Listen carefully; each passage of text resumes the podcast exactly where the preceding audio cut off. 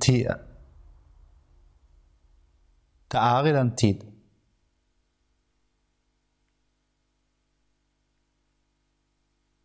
Det, det var i den tid da jeg gikk omkring og sultet. Jeg sultet i, Kristiania. Denne forunderlige by som, som ingen forlater før han har fått merker av den. Du ligger våken på ditt kvistværelse og hører en klokken nedenunder slå seks slag. Ja. Det er allerede ganske lyst, og folk begynner å ferdes opp og ned i trappene. Det har vært litt knapt for deg den siste tid. Ja. Den ene efter den andre av dine eiendeler er brakt til pantelåner. Jeg er blitt nervøs og utholdsom. Dette tomme værelset. Hvis gulv gynger opp og ned for hvert skritt du tar bortover det. Ja, Det ser ut som en gissen uhyggelig likkiste. Ja, Det er ikke ordentlig lås for døren og ingen ovn i rommet engang. Du pleier å ligge på dine strømper om natten. Det er for å få dem litt tørre til om morgenen. Ja, når du blåser hardt nedenunder og dørene står åpne, lyder det alle slags underlig vin opp gjennom gulv og inn gjennom veggene. Gud vet om det aldri skal nytte meg å søke etter en stilling mer. Disse mange avslag. Ja, halve løfter. Rene nei. Nærede og skuffede håp. Nye forsøk som hver gang løper ut i intet. Har gjort det av med ditt mot. Jeg har til og med søkt en plass som regningsbud. Men du kom for sent. Det er alltid et eller annet til hinder. Ja, Og det verste av alt, det er at dine klær er begynt å bli så dårlige at du ikke lenger kan fremstille en plass som et skikkelig menneske. Hvor det har gått jevnt og regelmessig nedover med meg hele tiden. Jeg er så besynderlig blottet for alt mulig at jeg, jeg har ikke engang en kam tilbake eller en bok å lese i når, når det blir meg for trist. Og Hele sommeren utover så har jeg søkt ut på kirkegårdene eller oppe i Slottsparken, hvor jeg har sittet og forfattet artikler for bladene, spalte etter spalte etter spalte etter spalte.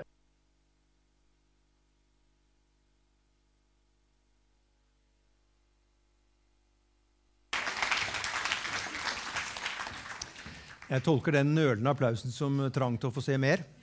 Um, um, Kjære alle, hjertelig velkommen, alle som sitter her, og som sitter i tilstøtende rom, og som også sitter og følger dette på, i strømmet utgave et eller annet sted uh, over det ganske land. Uh, jeg holdt på å si utland, det tror jeg ikke. Men uh, i hvert fall, det er jo helt fenomenalt at så mange har funnet veien hit. Mitt navn er Tom Remlov, jeg er sjef på Riksteatret. Og at vi får oppleve at det som vi både lever av og for, nemlig å skape opplevelser for andre, at det pådrar seg sånn oppmerksomhet som dette, det er helt uh, fenomenalt. Men da vi tre, eller de vi fire som skal samsnakke litt her oppe, da vi samlet oss litt på forhånd, uh, så så vi jo på hverandre og måtte erkjenne at årsaken, den endelige og grunnleggende årsak til dette fremmøtet heter Knut Hamsun. Det er tross alt slik det er. Vi har vært så heldige å få tre stykker med oss. Uh, Ler dere av det en gang til? Ja. Dere har jo allerede ledd av det. Ja. Kan dere komme opp, alle tre? Um, Linn, hvis du sitter sånn litt kledelig midt mellom de to herrene, så ja. Der, ja. Så setter du deg. Her. Jeg sitter her. Og Peder, setter du deg borte? Derfra, Det er altså da Peder Kjøs, eh, psykolog, forfatter, eh, formidler. Eh, litterært både skodd og interessert. og et engasjert samfunnsmenneske. Linn Ullmann, en kollega av Knut Hamsun. Men også et engasjert samfunnsmenneske i, i, i mange sammenhenger. Men her har det jo vært fristende å invitere deg som dikteren som du er. Eh, og så er det Finn, eh, som Finn Skårderud, som altså da er psykiater og formidler og litterært interessert og samfunnsengasjert, eh, men som også er nå for tiden i merkebare merkevarestrid med Hamsuns familie om ordet, eller navnet sult. Fordi han har altså da startet Stiftelsen Sult og har sitt daglige arbeid i Villa Sult. Det er én forklaring på hvorfor du også da er lokket med eh, på dette. Dere, eh, jeg leste et eh, intervju med altså ja, understreke ytterligere da, eh, at det er Riksteatrets forestilling av dramatisering av eh, sult som er utgangspunktet eh, for at vi er her, og som var det dere så. Og det er også Preben Hodneland som da spiller den ikke navngitte eh, hovedpersonen. Eh, og vi skal få se noen flere klipp eh, innen eh, dette samværet er omme. Men først eh, så skal vi snakke om verket. Og med dere tre respektive som inngang til verket. Eh, hva det er som eh, opptar dere med det, og som gjør at dere sier ja til å være med og snakke om det. Eh, hvilken verdi det har. Jeg leste et intervju med Dag Solstad. Um, hvor en eller annen forfatter eller en, en, en, uh, som da intervjuet ham, hadde gått uh, hans bokhylle etter i sømmene. Hvis man går bokhyller etter i sømmene, det er jeg ikke helt sikker på. Um, men i hvert fall uh, oppdaget at der sto det også noen Hamsun-bøker. Og så fortalte da Dag Solstad at han hadde rensket litt ut. Um, og så hadde han jo lest noen om igjen. Og altså mysterier det ga han ikke mye for. den ga han ikke mye. Men sult, den hadde stått seg, som han sa. Um, og Det var jo fortrøstningsfullt, for beslutningen om å gjøre en dramatisering av dette hadde vi truffet for lenge siden. Men vi fikk i hvert fall da håndspåleggelse. Er du enig i det, at sult har stått seg, Linn? Ja, absolutt. Eh, sult har eh, stått seg, og jeg tror at eh, den, den står seg over et, et lesende liv også. Eh, jeg husker første gangen at jeg leste 'Sult'. Jeg var kanskje like gammel som hovedpersonen. Begynnelsen av 20-årene. Mm -hmm.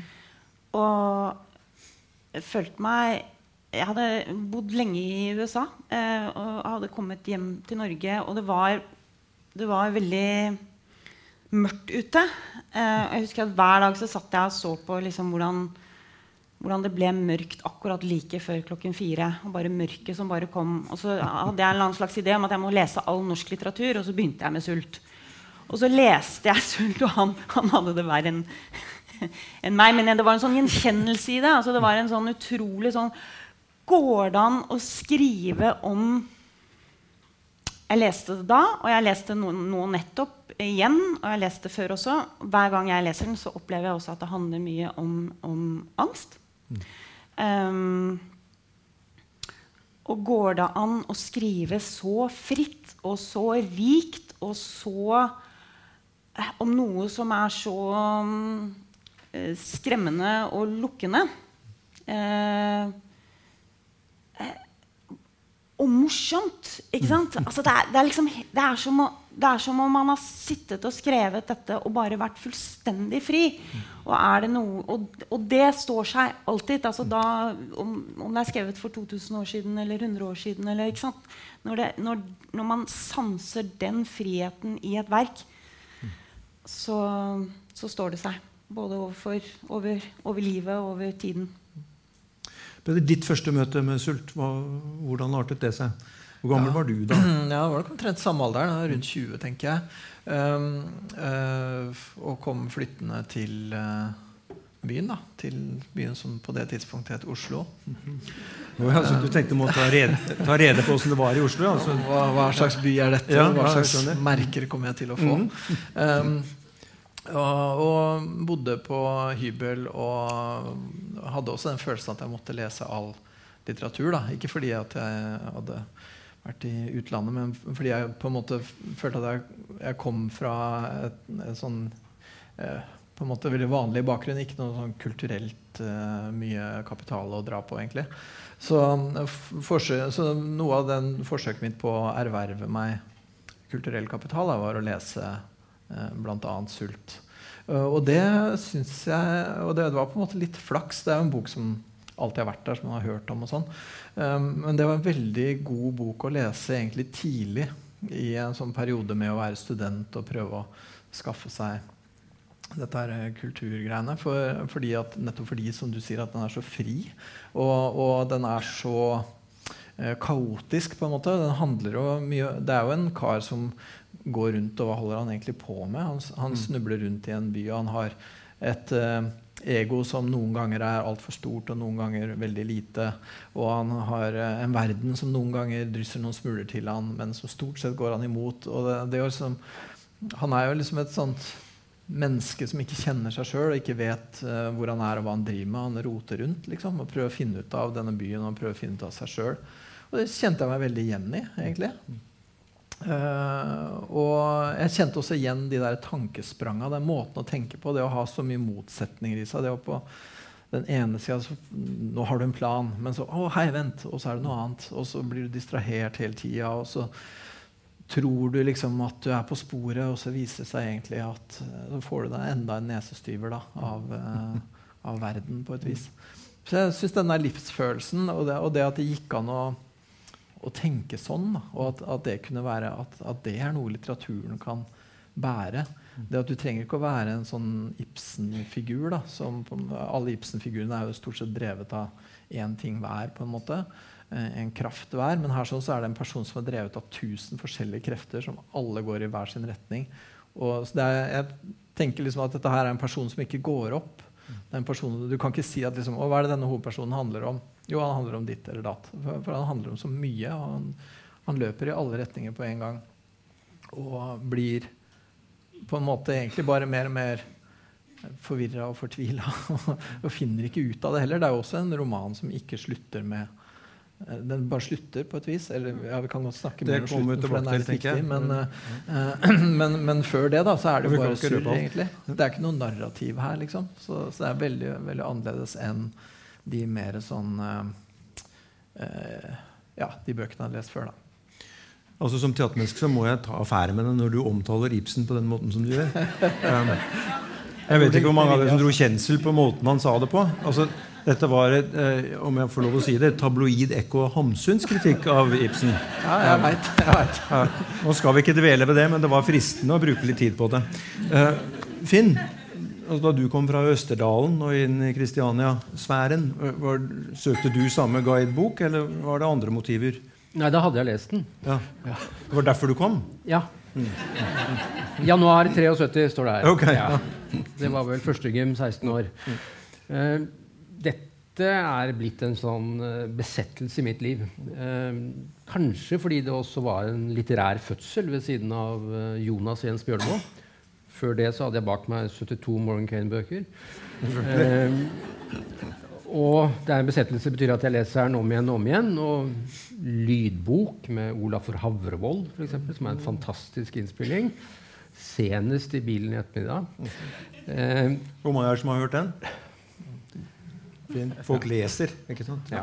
Mm. Nei, og hver gang jeg leser den, så tenker jeg liksom den blir jo mer og mer radikal. på en måte. Altså, det er jo en samtidsbok som er en framtidsbok.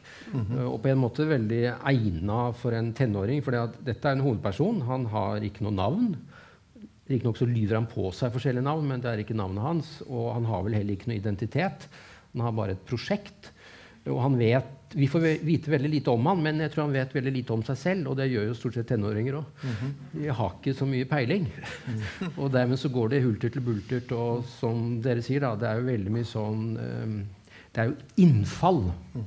Det er jo ikke sjelelige dybder, men det er innfall og utfall og utageringer. Mm. Ja, og den blir mer og mer plagsomt aktuell på mange måter. Mm. Ja, jeg tror det er Paul Austre som skriver i et uh, forord eller etterord til en engelsk utgave at han forlot Kristiania på en russisk bark. Og hvor dro han? Jo, han dro inn i 20. århundre, sa han.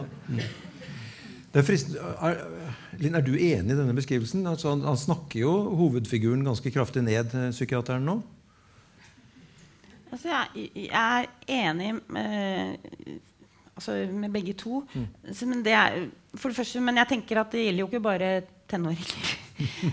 um, dette med å ikke vite hvordan man skal klare seg eller leve livet eh, det, også, det, det gjelder jo alle, eller mange, eh, tenker jeg.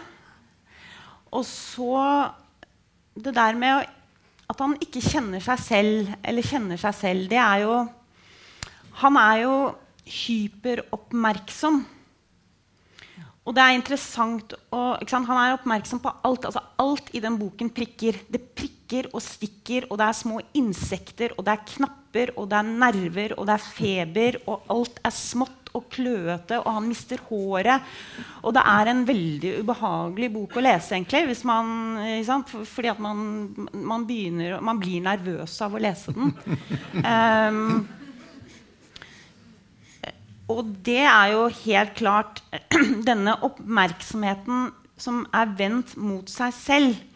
Altså hvor, hvor du hører på hvert lille signal, eller du hører på de og de lydene, eller de og de vondtene i kroppen, eller det og det, hvordan jeg ser ut, eller hvor altså, Og de og de stemmene og, og de og de ansiktene altså, uansett, altså Denne enorme oppmerksomheten er kanskje ikke det samme som å kjenne seg selv. Eh, kanskje det er en motsetning mot det, for den oppmerksomheten er jo jeg vet ikke om psykologen og psykiateren er enige eller uenige med meg, men altså, den kan jo være ganske destruktiv for, for et menneske. Fordi at den, den, den, har ikke noe med, med, med kontakt å gjøre, med, med, så, med, en slags sånn jording å gjøre, eller hva jeg skal kalle det. For det, den, er så, den er så men den, den, den er veldig angstskapende. Uh, så det å kjenne seg selv så veldig, eller være så oppmerksom på seg selv, er kanskje ikke det samme som å kjenne seg selv. er kanskje det jeg bare prøver å spørre om. Jeg er veldig enig i det.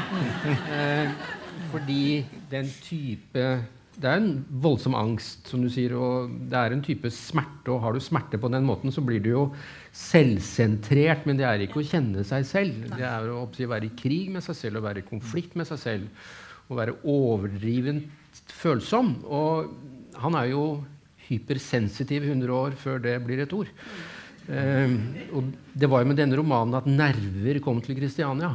Uh, og nå har vi nervenes århundre. Det satt en fyr bort i St. Petersburg og skrev noe lignende som het Dostojevskij. Uh, de innfører nerver, og som er noe helt radikalt. For Før så hadde du hatt dannelsesromaner hvordan en karakter utviklet seg. Han her utvikler seg ikke. Han står og spinner og er febril. Jeg er veldig enig. For det, hva, hva, slags figur er han? Og litterært sett så er han jo litt i slekt med det som var litt tidligere, som var liksom flanøren, som går rundt i byen og tar inn inntrykk. Og veldig mye av de inntrykka og det å bli inspirert og sånn, sånn som flanører gjør når de flanerer, da, det handler jo om andre, og det handler om sosial posisjon. og det er liksom det der, ja, det er som du sier, kontakt. da. Og han her han flanerer på en måte ikke. Han går hvileløst rundt i gatene uten å planere. Han er, han er, han er fordi, fordi, han har på en måte ikke den Han har ikke det overskuddet da, eh, økonomisk og sosialt og i form av noen posisjon til å kunne gå rundt og ta inn impulser på riktig måte. Da.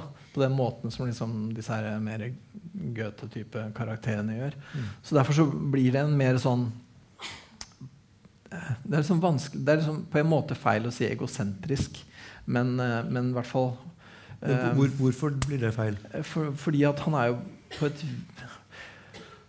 um, um, ja, Da må liksom gå til hva er, sult, hva er, sulten hans? Hva er det han sulter etter? på et vis? Mm. Og uh, han sulter jo Og det er jo én stor forskjell på han og flanøren det er jo at han sulter etter mat. ikke sant? Disse her Flanørene går jo bare inn på et eller annet konditori. liksom, Kjøper seg kake og ser på damene. liksom, Mens han her han går rundt og og ber slakteren om å få et kjøttbein til hunden. Mm. Han har jo ikke noen hund. Den har han vel spist for lenge siden. så, um, sånn at han sulter jo etter helt konkret eh, livsopphold. Han har jo ikke noe livsopphold, han holder på å sulte i hjel. Liksom.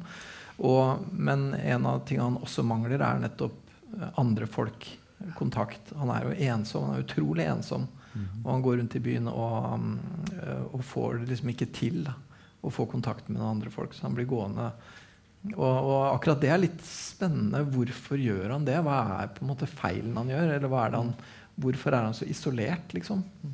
Og det er, vel, det, er, ja, det er vel mye det han leter liksom inni seg sjøl, etter seg sjøl, istedenfor å lete etter seg sjøl hos andre. da. Jeg tenker, ja, jeg, Han hadde passa i den der eh, lille TV tingene jeg holdt på med. Den, ja, jeg, mot, jeg, jeg mot, meg, meg, ja. ja, ja det fordi, meg. Ja. For poenget med gruppeterapi er jo på en måte å komme ut av kampen mot seg sjøl ved å koble seg på andre folk. ikke sant? Det å interessere seg, Én ting er å interessere seg for noe annet enn seg sjøl, men det andre er å også oppleve at andre interesserer seg for deg. da. Mm -hmm. Den kontakten der er jo veldig veldig livgivende. Mm. Det er jo sånn du blir deg sjøl på et vis. Det er jo ved å speile deg i andre folk. og mm ved også å speile andre folk sjøl. Og han gjør jo ikke det. Uh, han, han, sier jo ikke engang hva han heter. Han bruker falske navn. Han, uh, og folk rundt Han er jo ikke noe særlig interessert i hva andre folk heter heller. Han finner jo på navn til folk han møter. og han finner jo på folk som ikke fins, som han begynner å krangle med andre folk om. Så, og andre folk prøver jo å koble seg på, prøver å være enig med han. Ja, ja, Hapolati, ja, mm, hørt om han, liksom. Som han bare finne på der og da. Så, ja, så det er liksom ikke noe altså, Sånn som Peder beskriver ham, så er han er jo åpenbart behandlingstrengende, er han ikke? jo da. Men altså, min store angst hadde jo vært hvis han kom inn på distriktspsykiatrisk senter i dag, så hadde han blitt overdiagnostisert ja. eh, og overbehandlet. Altså, jeg tenker at Mer enn det diagnostiske så syns jeg det er interessant med det samtidsdiagnostiske. Mm -hmm. Altså, Hva sier en sånn karakter om det moderne, på en måte? da? Og jeg, er enig med Peder at liksom, Vær litt forsiktig med ord som selvopptatt og egosentrisk. For liksom, det høres ut som en dårlig kvalitet du har. Ja. Men klart at Har du så vondt som han har, så blir du opptatt av deg selv. Mm.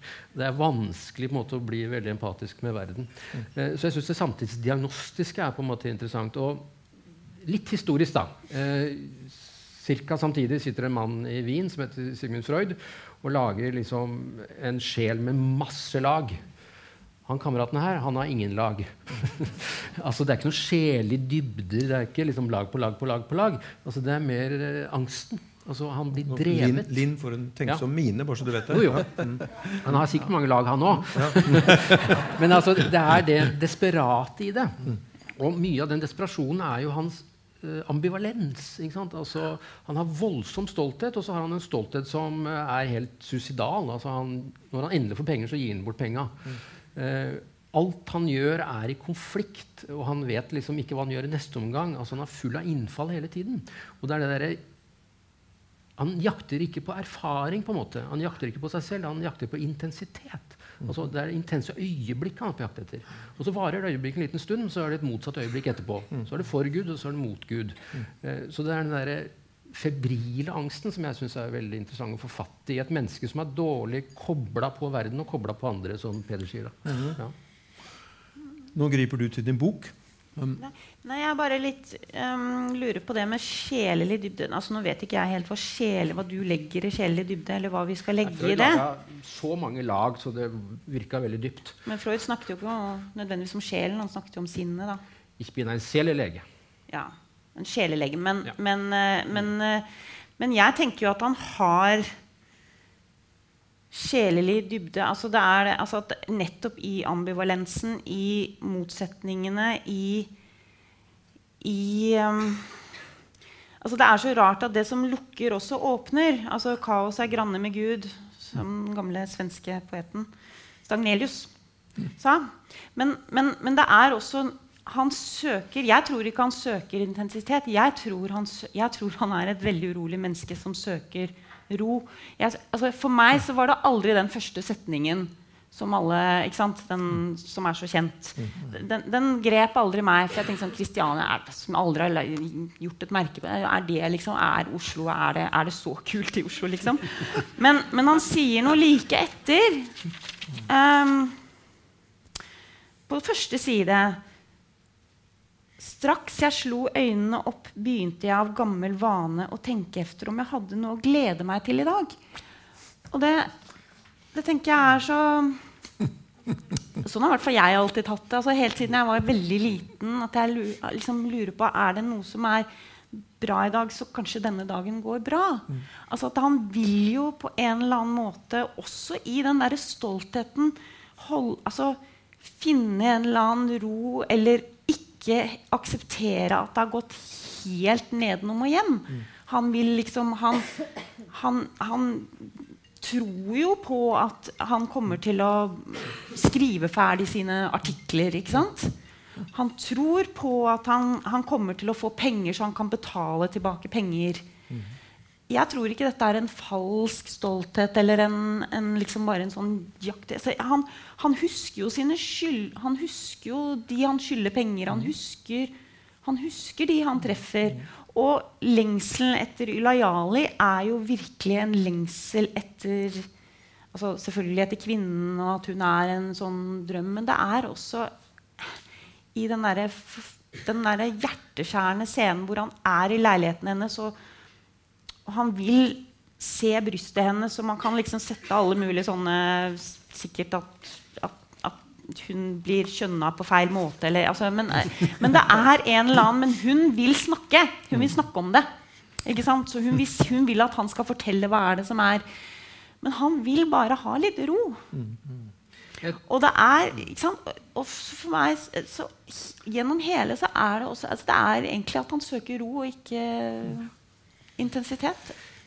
Jeg tror ikke vi er uenige i det der. Eh, du har skrevet en bok som heter 'Det urolige', tror jeg. Jeg har skrevet en bok som heter 'Uro'. Jeg tror vi driver Vi driver litt etter landskapet. Eh, og jeg er helt enig i det. Problemet er at det er det han strever med. Fordi han, eh, som Peder ville si altså han, Hva er det du sier, Peder? Han går ikke opp i seg selv, eller han går ikke opp. Ja, han går ikke opp. Nei. Mm. Nei, det, er ikke det, det er veldig interessant, ja, for det går virkelig an å se på han som en som leter etter intensitet. Han oppsøker liksom øyeblikket, men samtidig at han uh, søker en form for, for liksom frigjøring uh, i en slags ro. Og det er veldig, jeg synes det var kult det du sa at med uh, Ylayali der, som jo på et vis tilbyr han ro. Da. Hun tilbyr han brystet sitt på et vis. ikke sant? Og hun ber han om å fortelle alt, og så forteller han alt. Og det er jo det ene. Vi får ikke høre så mye om det, men da forteller han at den gangen de møttes første gangen, så har hun trodd at han var full. Og det var han ikke. Han var ikke full, han var liksom uh, på jordet. Uh, og vanvittig, sier vel han. Og, og, og, han forteller henne alt. Og det er liksom um, Det å liksom falle til ro ved brystet og fortelle alt, det er jo ganske sånn det er, sånn, eh, er det ikke sånn vi holder på med, Finn? Når folk, det der å liksom Fortell meg alt nå. Mm. Altså, altså, jo. Ja. ja. Og, og så gir det, på, det gir på en måte en form Bare det å fortelle til noen som, mm. som, bare, som bare er der og ikke egentlig men han vil jo egentlig ikke fortelle. Nei, men så gjør han det. Egentlig, ja, han ja. gjør det. Men, det men han ser på henne. Jeg vet ikke om det står her, men jeg, jeg ser for meg eller Jeg tror det står noe om at han ser på henne med en slags sånn bønn. Altså Han vil mm. bare at det skal være stille. Han vil bare ha denne, dette møtet, denne kontakten, et eller annet. Men så vil hun at han skal fortelle, og da gjør han det. Da, og da er det en fortvilelse i det. For han gjør jo ikke annet gjennom hele boka. Forteller og forteller og finner på og finner på. Altså, det er historier hele tiden. ikke sant? Og det er, jo, det er, jo, fantastisk litteratur, men det er forferdelig å være inni den hjernen som holder på sånn.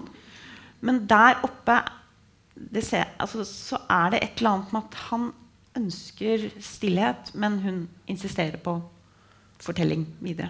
Ja, og, da, og den, forskjellen da er at det han forteller, da er sant. Mens veldig mye av det han ikke har, ja. ellers har fortalt, er jo ikke sant. Han bare spinner og holder på og driver med sitt, liksom. Så det er, det er, ja, Jeg vet ikke jeg hvor langt man skal gå i det, men det er veldig fristende. Fordi jeg har jo lest den boka opp igjennom noen ganger, og da jeg leste den da jeg var 20, så tenkte jeg oi, så sprø går det an å være. og Det er masse morsomme innfall. Og det er ganske gøy. da, Og han er, han er gal på en sånn måte som det er gjenkjennelig når du er 20. Og så har jeg lest den opp igjen, om, og den boka vokser jo jo mer man leser. Og nå sist jeg leste den, som var nå før dette her, så ble jeg veldig opptatt av det han eh, holder på med, med Gud. da, For det er helt glemt. ikke sant? Jeg, jeg huska ikke det i det hele tatt, at, at han er så i, på kant med Gud, som han er, flere ganger. Um, og, og, så ble jeg liksom opptatt av dette sånn som en slags um, På et vis en slags skapelsesberetning eller uh, sånn uh, Det er mange, mange, ting i boka som uh, er lett å knytte til um, fortellingen om Edens hage og, og, Gud og paradis og alt det der. Og det slo meg nå, jeg har ikke tenkt på det, men akkurat nå da, at han møter jo kvinnen. da, mm. Som tilbyr han eh, å se seg sjøl, fortelle sannheten om seg sjøl. Hun tilbyr ham på en måte eh, kunnskapen. Mm. Det er litt kult. ja, er jeg har ikke tenkt på det før. ja, Det er kult, men så har han jo håravfall på skuldra. Ja, men, ja, men jeg tenker på, mm. på, For jeg bare lurer på hvordan hadde Adam det i paradis? Eh, at, at, dette her er jo på en måte kanskje litt sånn For paradiset er jo eh, forvirrende og kjedelig og kaotisk. Og hva er det man driver med i paradiset? Jo, du, du får framvist en masse dyr, og så gir du dem navn. Og så, uh, det, og så går dagene, da. Og hva skal du holde på med, liksom? Og så en dag så kommer en og forteller deg hvem du er, og det er kvinnen. da. Og etter det så er ting ikke det samme lenger, liksom. Jeg har ikke vært der, jeg. Å jo da. Nei, bare, det var ikke noe flåsete å si, men håravfall. Altså, poenget er at det er jo et erotisk møte, men så har han håravfall på skuldrene Ja. fordi han er underernært. Og da stiger den store skammen opp. fordi Mm, liksom det, det å være sulten er verre enn å være full, f.eks. Hva er det første som skjer når man spiser kunnskapens eple? Det er skammen. ikke sant? Ja. Mm. For du oppdager deg sjøl, og du ser at det holder ikke. dette her, Det er ikke bra nok. Så det er ikke lenge det er ro hos Ulayali Nei, før den store skammen kommer og tar han. ikke sant? Det er betryggende for alle oss at dere åpenbart har lest denne boka eh, en rekke ganger. Um, og, altså Et innlysende spørsmål, uh, men som dere på mange måter svarer på underveis nå, er hvordan den leses fra gang til gang. Uh, og hvordan den forandrer seg. Den er ikke akkurat som en diskokule, men den, den speiler veldig forskjellige ting. Uh, avhengig av hvilken livssituasjon man selv er i. Men Finn, du sa noe om at han har et prosjekt. Og Hvordan vil du beskrive det prosjektet? Nei, Uten å bli privat, Tom, så laget du og jeg en filmfestival for fem år siden. eh, Som het Sult. Med de filmer som er laget over den romanen. Og jeg tror vi fant fire rundt i verden. Eh, Og da oppsto det en debatt hvor det var en mm, litterat mann som var professor, sa at dette er naturalisme. Sånn går det når det ikke får mat, og det er fattig. Dom i Oslo. Eh, Og da tenkte jeg nei, denne mannen har en tante på Hadeland. Eh, han kunne dratt dit og fått mat. Altså, det står i boka at det er mat. Eh, så dette er også et eksistensielt, veldig radikalt prosjekt, eh, hvor han på en måte er i krig med seg selv. og han kaster seg ut i et prosjekt som handler om å skape og dikte, men også om å forkaste seg selv, og som da handler om å sulte. Og de to tingene går ikke opp. Altså, enten Men løper de sammen? Er de forbundne? de er forbundne på den måte at de spenner bein for hverandre hele tida. Fordi at eh, han har sitt talent, og han vil skrive, og han har en voldsom tro på sitt talent, men så er han sulten, så han får ikke skrevet. Så inspirasjon blir til irritasjon. Han er irritert overalt etter hvert.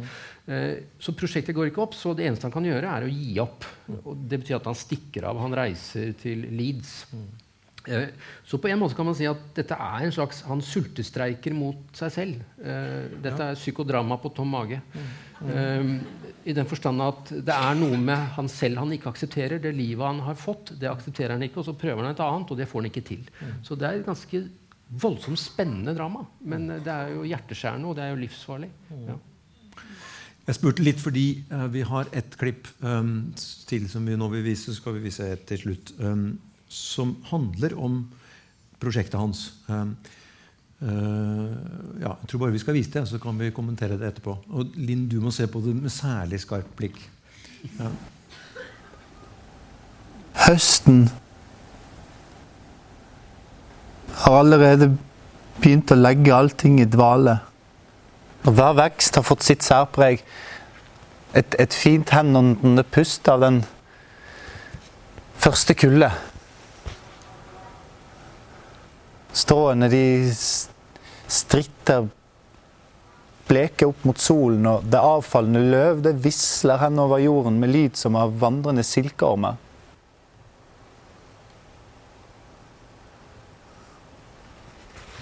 Og rosene de har fått eh, betennelse i rødmen. Et, et hektisk vidunderlig skjær over den blodrøde farve. Og jeg føler meg selv som et kryp. I undergang. Grepet av ødeleggelsen midt i denne dvaleferdige all verden.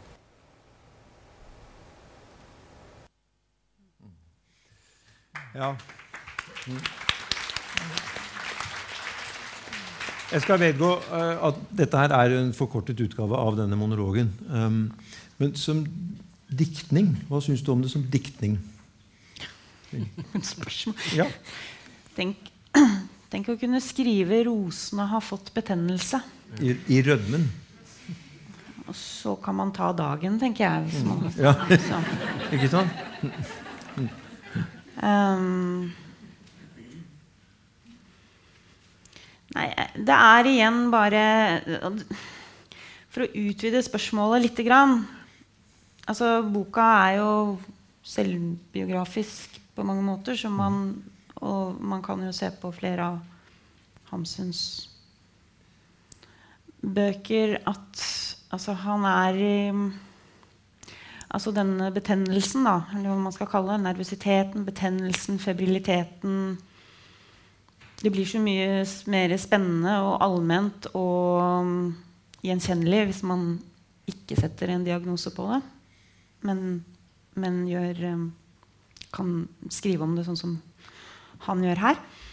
Men, men for å utvide spørsmålet er sånn Hvor, hvor mye er diktningen koblet til det? Til den um, til at man kjenner de sinnsstemningene. Altså hvis man ser på ikke bare Hamsun, men, men andre dikter også. Altså hvor, hvor, nært knyttet er eh, dette, liksom dette betente, disse betente rosene og dette mørket og, dette, og, og, det å kunne skrive så fritt. Altså det som lukker seg som en sånn eh, Så klamt og eh, rundt hjerte og sinne og som, som, da kan åpne opp i språket på den måten. Altså hvor, mm. hvor, hvor, nært knyttet er kreativiteten med, med de mørkeste sidene i Jeg tenkte jo mye på en som kom altså Raskolnikov er jo en, altså Dostojevskij, men en som kom litt senere, som er Virginia Woolf. Um, som gikk eh, med sin kanskje fineste roman, eller av mange, men, men 'Mrs. Dalloway' er jo også det er en helt annen stemning i boka, men altså hun går rundt i London, og den handler akkurat som denne om, om uh, svart om, om, det svarteste av det svarte. Samtidig som den har den der hyperoppmerksomheten rundt på, uh, på alt. Og på seg selv. men hvor mye henger og det, var, det, er vel et spørsmål man stiller også med f.eks. Virginia Woolf. Hvor mye henger kreativitet og og nød. Og den sinnslid, altså sinnet som lider. Det er jo sagt og tenkt og skrevet meget om det uten mm. å hoppsi, lage kunstnermyter. Men mange har jo sagt fra 1700-tallet utover den sjenerøse melankolien at uh, mye stor kunst er jo drevet av behovet for å sette navn på, for å gi språk til, til å gi mening til en meningsløshet du har erfart. Altså Hvis du har det ekstremt bra, hvorfor i all verden skal du skrive roman? Mm. Um, altså Det er jo ofte si, drevet av en nødvendighet, men klart det er også noen kilder her altså til at du har smakt på det. Om det er uh, si, Per Inge Bjørlos 'Bildende kunst', eller om det er dette, eller om det er Virginia Woolf. Altså, det er overskridende når vi får det, uh, for da har noen gjort det. Mm. Så kan vi i beste fall lene oss mot det og kjenne igjen og også ha nytte av det. Eh, men det er jo grensesprengende viktig. Altså, de er jo viktigere enn oss, Peder. ja, åpenbart. Og, og det er jo, det er liksom en fenomenologi her som er så utrolig rik, som er nettopp den veldige observasjonen både innover og utover. Eh, han observerer eh, eh jeg, jeg, den, det er vel også her Han snakker om det når han observerer alle disse her småkrypa rundt omkring seg. og alt det Stridende liv, som han kaller det. Så 'Stridende liv' hadde jo også vært en utrolig bra tittel på den boka. Den handler jo på, på, et vis om det. ikke sant? Og, og hele den der livs... Eller, eller 'Min kamp'? Eh, som er jo Det er samme greia. Eh, uh, ja. Ganske langt fra. um, jeg, jeg, tenker det, uh, det å liksom observere sånn i detalj og det å bringe det sammen på den måten som man gjør, det, det er uh, veldig verdifullt for oss som leser. For jeg tenker Én ting er at Kristiania Eh, setter merker. Men det å lese en sånn bok setter også merker mm. på Kristiania. Det setter jo, jeg tenker det å nettopp ha lest den boka der, da, og være 20 år gammel og ikke kjenne noen og gå rundt i byen, det gjør byen til noe helt annet enn det den var før du leste den. liksom.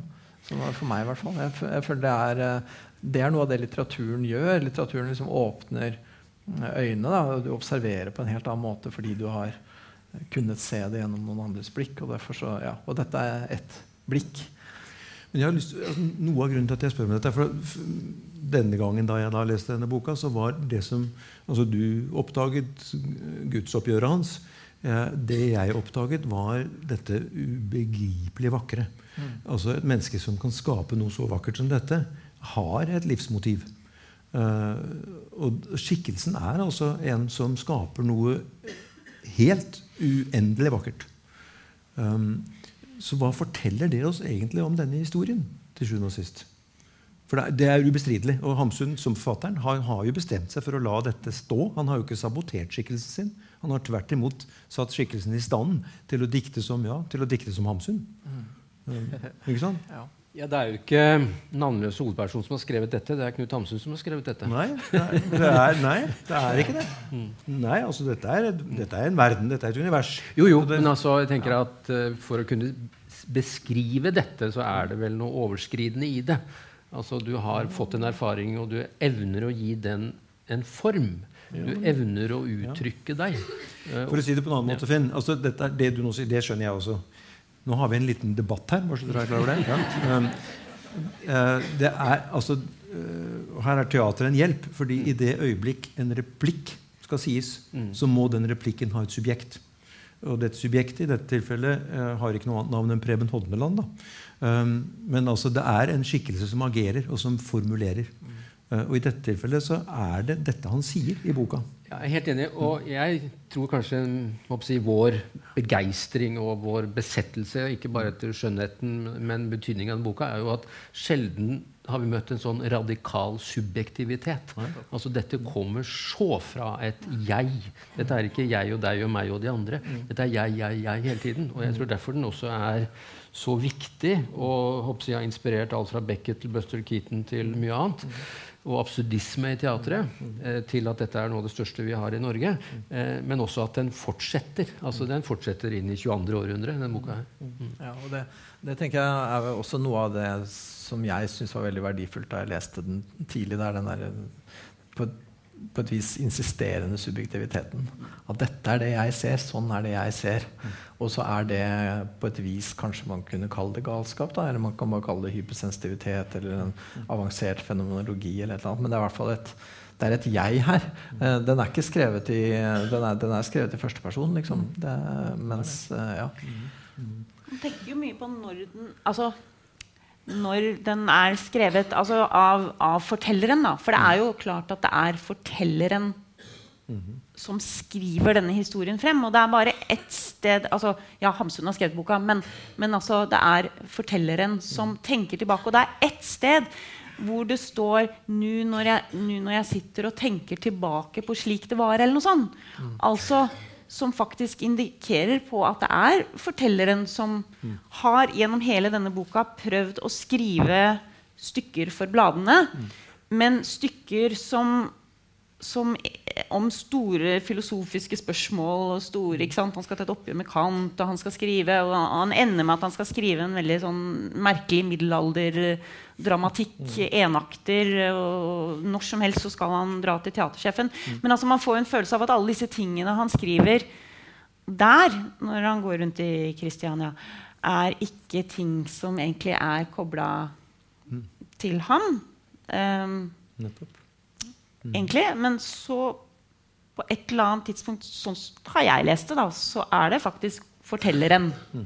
Altså Hamsun skriver om fortelleren som skriver denne boka altså skriver om da han gikk rundt i Kristiania. Altså noen år tidligere, eller hvor mange år tidligere. Altså, så, så, jeg tenker at Hamsun og fortelleren er en og samme, samtidig som de selvfølgelig ikke er det. fordi at og da kommer man inn i hele den debatten om, uh, om autofiksjon som uh, som ikke startet liksom for noen år siden i Norge med, med, noen forfattere som skrev om virkelige liv som også var romanliv. Men som selvfølgelig startet uh, lenge, lenge før. Uh, mange tusen år før, kan man jo godt si. Med, med diktere som Sapfo, f.eks. Det kan man jo gjette seg til. Uh, men, men Strindberg var jo en stor en som, altså, Han skrev vel autofiksjon mer enn noen av oss, holdt jeg på å si. Og som Hamsun beundret. Og som Hamsun beundret. Mm. Um, Men, uh, så, dette, ja. Autofiksjon. altså Hamsun, uh, slik jeg har lest meg til det, han Um, han, for det første, første fragmentet, som var altså første bud på denne boka det var, Boka er skrevet i fire kapitler eller fire avsnitt. og Avsnitt to ble utgitt først, og anonymt. Uten navn. Og han forestilte seg også at dette skulle utgis anonymt. Um, og det, jo, uh, det har vært spekulert i siden. Var det fordi han var seg bevisst at anonymitet er intet er så forlokkende som det, så det vil øke salget? Um, det er det noen som har tenkt, mens andre har også arbeidet seg frem til at det var rett og slett nettopp fordi det var så nært på, uh, og altså så uh, skambefengt, bl.a., uh, det han berettet om, at han ville ikke ha assosiasjonen til seg selv. Hvor tror du han var, Finn? Var, var, var, det, det, privatpersonen Hamsuns skam, eller var det uh, myteskaperen Knut Hamsuns uh, instinkt for formidling og kommers? Det er vel uh, ikke noe klart svar, som det heter. Men altså, jeg tror jo sånn som Linn klart at Dette er jo en mann som har sultet i Kristiania og København og Chicago. og det er en mann som har prøvd å etterligne Bjørnsons monofortellinger og ikke fikk det til. Og så gjorde det et radikalt brudd med det etter at han hadde møtt storbyen, særlig i Chicago. Og som plutselig ser for seg vi må skrive på en helt annen måte. Det er benpipernes bønn, og det er blodets hvisken, og det er sjelen. Uh, det er klart at her vil jeg tro han liksom har levd så mye av dette skamfulle livet at han også gjerne vil dekke over noe av det. Ja. Uten at man må gå inn i autofiksjonsdebatten. Ja. Da, ja, Peder? Nei, jeg, tenkte, jeg, tenkte på en måte at det passa så godt det, til uh, hele denne her uh, Dette er jo en, det er en veldig urban roman, ikke sant? og, og, den handler på en måte om det urbane, moderne, stedløse, kanskje ansiktsløse mennesket på et vis. Så jeg syns det passer godt uh, at han ikke har noe navn i boka. Og det at til og med at han kanskje kunne ha tenkt at heller ikke forfatteren skulle ha et navn. Det blir på en måte bare så konsekvent at uh, dette her er uh, et av disse menneskene, et av disse navnløse vesenene som bare går rundt i byen. Jeg syns det passer så godt. Jeg tror jo Jeg tror mange forfattere sikkert tilbake lang tid, og, og sikkert også Hamsun altså, um, altså Det å skrive er jo å prøve å bli til og forsvinne samtidig. Prøve å forsvinne samtidig. Altså det, er det, det, er det, litteraturen gjør, eller det er det skriving er. Um, og at din motsetningen ville han ikke ha sitt navn på det fordi det var for skambelagt, eller ville han ikke ha det fordi det var, ble, at han ville lage en myte. Altså de, den motsetningen eller den problemstillingen tror jeg ikke fins hos forfatteren. Jeg tror at um, Altså Skriving starter jo i erfaring, og så er det den buen som Og på et eller annet sted på den buen så, så, så skjer, hvis man er heldig, og det, mm. så, så, blir det til litteratur. Og da er det ikke sånn at det skal skille mellom Og dette var sant, og dette var ikke sant. Og, man, og, og, og jeg, og Hamsun ville vel ikke på en eller annen måte Det var derfor han ikke ga dem navn. For med en gang man gir noe et navn, en person et navn, så, så, så er det defineres det på en eller annen måte. Eh, eller, eh, og innsnevres. Så jeg tror, jeg tror, veldig mange forfattere egentlig skulle ønske å skrive under pseudonym. Altså, alle har en Ferrante-drøm. ikke sant? forfattere. Jeg tror veldig mange, jeg tror det er liksom fordi at det er jo den ultimate friheten. For da kan du forsvinne og bli altså 100% bli til og 100% forsvinne på en gang. Men jeg, jeg får lyst til å spørre deg, for når du skriver romaner, så personene dine har jo navn. Uh, ja, i mindre og mindre grad, egentlig. Ja, I det urolige så har de tre hovedpersonene ikke navn. Mm. Og så er det noe, også mange har kallenavn. Ja, nettopp. Så Prost eh, har en fantastisk setning i, altså i, i, i, På sporet av den tapte tid. Så vi får aldri høre Ordet Marcel kommer én gang. En gang så nevnes han med navn. Men at han skal inn på en av disse store selskapene, og så, og så står han der og venter på at han skal bli kalt. Liksom, at de skal rope han til at han skal gå ned. Og så er han så utrolig nervøs for at de skal rope navnet hans, og han kaller navnet 'disse beklemmende stavelser'. Og det er noe der også altså Dette tolvbindsverket er også er, eh, da hovedpersonen helt uten, uten navn. Dette tror jeg er viktig i den forstand at uh, altså Jeg syns ofte navn i romaner er problematiske fordi de liksom binder folk så veldig. Uh, tenk om liksom, han hadde hett noe annet. Da hadde han vært jo helt annerledes.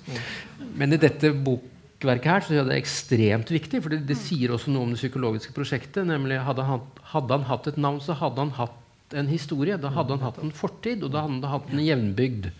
Og hadde han hatt en slekt. Hvis ikke har noe navn, så har han ingenting. Og dermed så er han åpen. Og det er en av grunnene til at vi håper, hele tiden kan ta han til oss også. Han er åpen og ganske frustrert. Ja. Og det, ja, og det, ja, det er vel det Kirkegård skriver om eh, Adam også. Han er et menneske som ikke har noen historie. Jeg tror du er veldig glad i paradis. Ja, ja, det, ja, det, er, det er bibelstudier nå. Ja, han er litt opptatt av det om dagen. Men det er, for han er jo også et menneske. Han, han, har ikke noe hjemsted. Han kommer ikke fra noe sted. Han har ikke noe historie. Historien på en måte oppstår i det du trer i det du handler da, og gjør noen ting. Og, ikke, og, og i det du overskrider, ikke sant? som Adam gjør, og som for så vidt også uh, hovedpersonen her gjør. Ved å liksom tre ut av og bare ikke være med på det greia med at liksom, å være, være, en person med et navn som går rundt og gjør vanlige ting. Jeg intervjuet jo Rachel Cusk, som er en fantastisk forfatter uh, som sikkert mange her har hørt om. og og hun har jo sagt flere ganger, britisk forfatter, altså hun klarer ikke å tenke tanken lenger på å skrive romaner hvor det er liksom sånn Dette er Anne, og dette er Peter, og så liksom møtes de. Altså, det er noe sånn veldig eh, Og jeg skjønner veldig godt hva hun mener. For at, altså, navn det er som en det er som du sier, altså, da, da, er det med en gang en historie. Og det er som, setter et navn, så er det altså, Hvis han hadde hett Per, liksom Per, per gikk rundt i Kristiania, eller det, ja. Altså Personlig tror jeg jeg hadde greid det. Men sånn, ja. ja. Um, um, jeg tror ikke det hadde kommet tungt i veien, for å si det sånn. Men det er, jo, det er interessant at han gjør det. Men dette peker retning altså Vi har stilt denne forsamlingen og de øvrige interesserte i utsikt at vi også skal snakke om sult etter mening. Det er mulig at vi ikke når dit. Men uh, det dere har snakket dere frem til nå, er et annet spørsmål. Altså for, for når, vi skal, når, vi programsetter uh, på et teater, så må vi liksom til syvende og sist så kan vi ikke bare si dette syns vi er fint, så dette gjør vi dere. Uh, det er et lite hvorfor som hviler over oss, og som vi prøver å besvare. Og selvfølgelig I tilfelle sult, og, og, altså Hamsun og sult, så er det jo at det er et uh, fellesgods som vi har her i landet. Med andre ord noe som vi som teater, som teaterkunstnere deler med vårt publikum, som vi altså er sammen om, og som det ikke er urimelig at vi da også utforsker i fellesskap. Men nå, uh, i hvilken grad er dette et norsk verk? Dere snakker dere bort fra det. Han kommer jo ingensteds fra. Um, kunne han like godt vært fra Kuala Lumpur eller Timbuktu? eller sånn? Altså, ja. Ja. ja. ja men, det er eh, entydig? Nei, det er ikke entydig, men det er flaks at den er norsk. Mm. For da er dette Da har vi vært med og skapt verdenslitteratur. Mm -hmm. Og det har preget opplevelsen vår av urbane Kristiania osv. Men uh, dette er en universell modernitet. Om ikke Kuala Lumpur, kanskje, hvor jeg ikke har vært, men altså mm. London, København, Paris, St. Petersburg. Eh, det, er der, det, er der, han er. Ja. Uh, men han er jo åpenbart norsk. Han er åpenbart hjemmehørende i et samfunn som er norsk. Og det er, altså, og, altså over, vi snakket jo litt i forkant Linn, du, altså oversetteroppgaven her. altså Den monologen som dere fikk en smakebit på nå. altså Den oversetteren som greier å få det over på et annet språk enn norsk. Han heter f.eks. ikke Shakespeare. altså Shakespeare hadde, hadde 28 000 ord til rådighet. Uh, Hamsun hadde 33 000 ord. Så det er liksom lykke til. Um, noen til da, som han fant på. Ja. For han finner jo på ord. Ikke sant? Jeg tror, er, inn, jeg tror de er innberegnet i den tellingen. At, ja. Jeg tror at det med For å svare på det med norsk mm. altså Handling og alt sånt ja, Men da er det sånn det er det, det, Da ligger det i språket. Mm. Altså det ligger i hva eh, han kan gjøre med det norske språket som gjør at man sitter sånn. og Jeg har sett på deres bøker også. Ikke sant? Mm. Sitter med og, og streker under og, og, og tenker altså Går det an å skrive altså, en egen sort av mørke. Det er én setning. Og så for eksempel Når han er så sliten, og så får han endelig komme inn i en celle hvor han skal sove, og så tenker man som leser bare en liten stund at å, nå fikk han i hvert fall tak over hodet. Men så sier han men jeg var ikke søvntrett. Sånn ikke sant? Og da tenker jeg at veldig mange oversettere rundt omkring i verden Man kan jo ikke si søvntrett. Så, oh, so he wasn't tired. Mm. Or he wasn't sleepy. Ikke sant? Sier de sånn. Men nei, det betyr mye mer. For han er så trett at det er, det er vondt så trett han er. Men han var ikke søvntrett. Og jeg tror alle vet hvordan det er å legge seg og ikke være søvntrette, men veldig ikke sant? Så bare, ikke sant? Og det som er fantastisk med norsken, og som norsken kan gjøre, at eh, vi, har et, ikke sant? vi har ikke så mange ord som f.eks. engelsk. Men, Hamsun hadde, da. Men. Ja, men vi kan vi, altså, Det er, setter sammen ord hele tiden. Det er noe fantastisk som, norsk, som man kan gjøre på norsk. Sette sammen ord. Så, så, så det norske i det ligger i hva han kunne gjøre med språket. altså så det ligger i språket. Er det også din oppfatning? Altså, du ja. har jo sagt Det var i den tid jeg gikk omkring i Andeby. ja.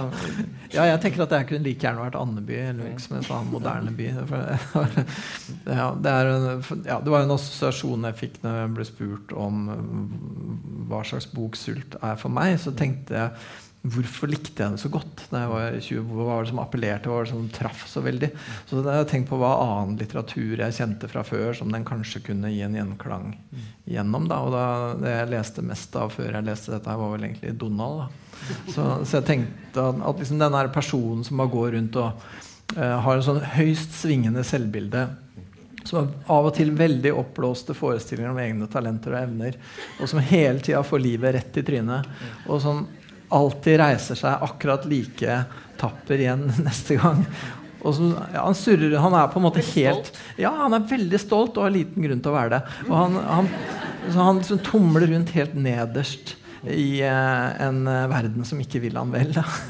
så tenker jeg at det gjør Donald, og det, og det, gjør, eh, og det gjør, han her òg. Så jeg tenker den boka her den kunne også på en måte ha vært skrevet av Carl Barks. da. så Men jeg vet, jeg vet, ikke om det var svar på spørsmålet ditt. så ja Uh, jo, men sånn sett, Dette kunne vært Andeby, det vært, men det må, være, det må, være, moderne og det må være urbant. For er det én ting som folk har i det moderne urbanitet, så er det denne navnløsheten og den her uavklarte hvem du er, og muligheten til å gå uh, til grunne uten at noen ser det. På landsbygda så skjer ikke det på samme måte. Er, det, på landet så vet alle hva du heter og hvem du er i slekt med, og, og det fins en eller annen form for løsning. Liksom, da. Du hører til, liksom. Men i storbyen sånn, så er det ingen som hører til eh, på den måten. Du kan gjerne smugle inn litt av mening, selv ja. om vi ikke har tittelet. Jeg, jeg, jeg, skulle spore det dit ja. nå, så det er kjempefint. Takk skal du ha. Ja. Nei, fordi at det er mange meninger, altså sult etter mening, og man kan jeg, gripe fatt i det mest åpenbare. altså Dette er en modernist med hull i hodet fordi Gud har skuffet ham. Det står et eller annet sted i første utgave. Det er tatt bort i noen senere utgaver. Mm -hmm. Det skal jeg si dem, min kjære herre Gud, de er en nok sagt. Mm -hmm. um, ikke fordi han forkaster Gud, men fordi han er kjempelei seg fordi Gud har svikta ham. Mm. Altså, dette er året etter at Nietzsche avliver Gud. Han prøver på å ha kontakt. Men det er andre meninger, og det er det Peder snakker litt om nå. altså den dypeste meningen kanskje vi kjenner, det er jo meningen å være koblet på andre mennesker. Mm, mm. Og det er det han ikke er. Han er en fyr vi har lyst til å ha medfølelse med, men vi forstår jo at han er en fyr som dytter folk fra seg hele tida. Mm. Det er vanskelig å være sammen med han, og da blir han veldig alene, og da er det tap av mening. Mm. Og så er det en tredje mening, og det er meningen vi har et godt språk. Mm. Men det språket som står tilgjengelig for han er ikke bra nok, så han prøver å finne opp et nytt ord. Det syns jeg er den vakreste passasjen her. Han finner opp et nytt ord som heter kubå. Ah, kubå. kubå. Og så er han så glad for å ha funnet opp et nytt ord. Mm, så oppdager han andre ikke hva det betyr. Um, ikke er det Gud, og ikke er det tivoli, og ikke er det hengelås. Ikke er det strikketøy. Ikke strikkegarn. Og ikke er det emigrasjon, og ikke er det soloppgang. Og han blir så lei seg. For han jakter etter mening ved å skape et nytt språk for den moderne erfaringen, og så finner han det ikke. Da vi snakket om dette litt på forhånd, så var dere alle tre enige om at kanskje i dag eh, så er det åpenbare sporet å sette mennesker på som, som ikke har eget svar på spørsmål om mening, er det du nevnte nå først, Finn, og så eh, et annet menneske. Og det er jo der han havner. Eh, det er der han er nærmest. Og så lykkes det da så da ikke, og det er i møte med Ylajali. Ikke sant? Um, og Der skal vi også slutte denne sjansen. Vi har lite klipp fra da den siste scenen med Ylai Ali, som um, ikke yter scenen hos oss på Teaterrettferdighet, og heller ikke scenen i uh, boka Rettferdighet. Uh, men det er noe, det man kan kalle en smakebit. Og igjen så vil dere se at en fotograf har fullstendig latt seg beta, så han går inn på skikkelsene og vil lage film der hvor vi andre byr på teater. For så kunne de gjerne legge deres hånd på min stolrygg. De kunne gjerne funnet på så meget av dem selv. kunne de. Og hvis jeg sier sånt noe, så setter de opp et par øyne som om de ikke riktig tror det. Ja, det er virkelig sant. Jeg har sett det før, og de gjør det nå også. De trenger ikke å være så stille. De kan godt snakke. De skal bare ikke innbille meg at de eh, er så beskjedne når de tør å yppe dem. De var nokså frekke den gangen. De fulgte etter meg like var full og fulgte etter meg like hjem. Og plaget meg med deres vittigheter. De mister deres bok. De mister ganske bestemt deres bok. Og det var slemt av dem. Hvorfor sier de ingenting? Hvor de er søt. Jeg sitter her og blir betatt av dem. Det er ingen råd med det. det. Av og til så, så, gnister deres øyne så jeg, jeg, har, jeg, har, aldri sett på maken. De ser ut som blomster. Hva? Nei? Nei, ikke som blomster? Eller, ja Jeg, jeg er aldeles forelsket i dem. Hva heter de? Gud, nå har jeg nær glemt det. Jeg tenkte på det i hele går at jeg ville spørre dem. Eller, jeg, jeg tenkte ikke på dem Jeg tenkte slett ikke på dem i, i hele går. Vet, de hva, hva, jeg har kalt dem? Ylayali. Ylayali. Hva, hva, hva syns de om det? En, en sånn glidende lyd? Er det fremmedspråk? Nei, det er, det er ikke det heller. Ja, det er, det er ikke stygt. Vi har barbert dem også i aften. De ser i det hele tatt litt bedre ut enn sist, men bare bitte litt. Innbill dem bare ikke. Sist så var det virkelig sjofel, da. På kjøpet så gikk de rundt med en sånn fæl klut om fingeren. Og i den tilstanden så ville de gå inn og drikke et glass vin med meg. Nei takk. Så, så det var altså for mitt miserable utseendes skyld at de ikke ville gå med likevel, da? Nei. Nei, det skal Gud vite at det ikke var. Jeg. Det tenkte jeg ikke på engang. Slik var det. Ja, det um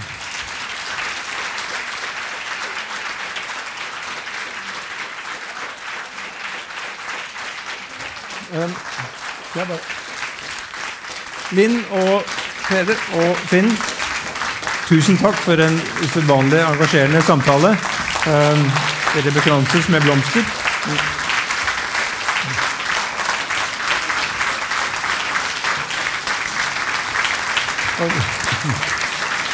Og til dere, tusen takk for at dere kom, og dere som fulgte oss, takk for at dere gjorde det. Og Premieren er på torsdag, og vi skal spille på ca. 60 steder rundt omkring i det ganske land. Tusen takk for at dere kom. Takk skal dere ha.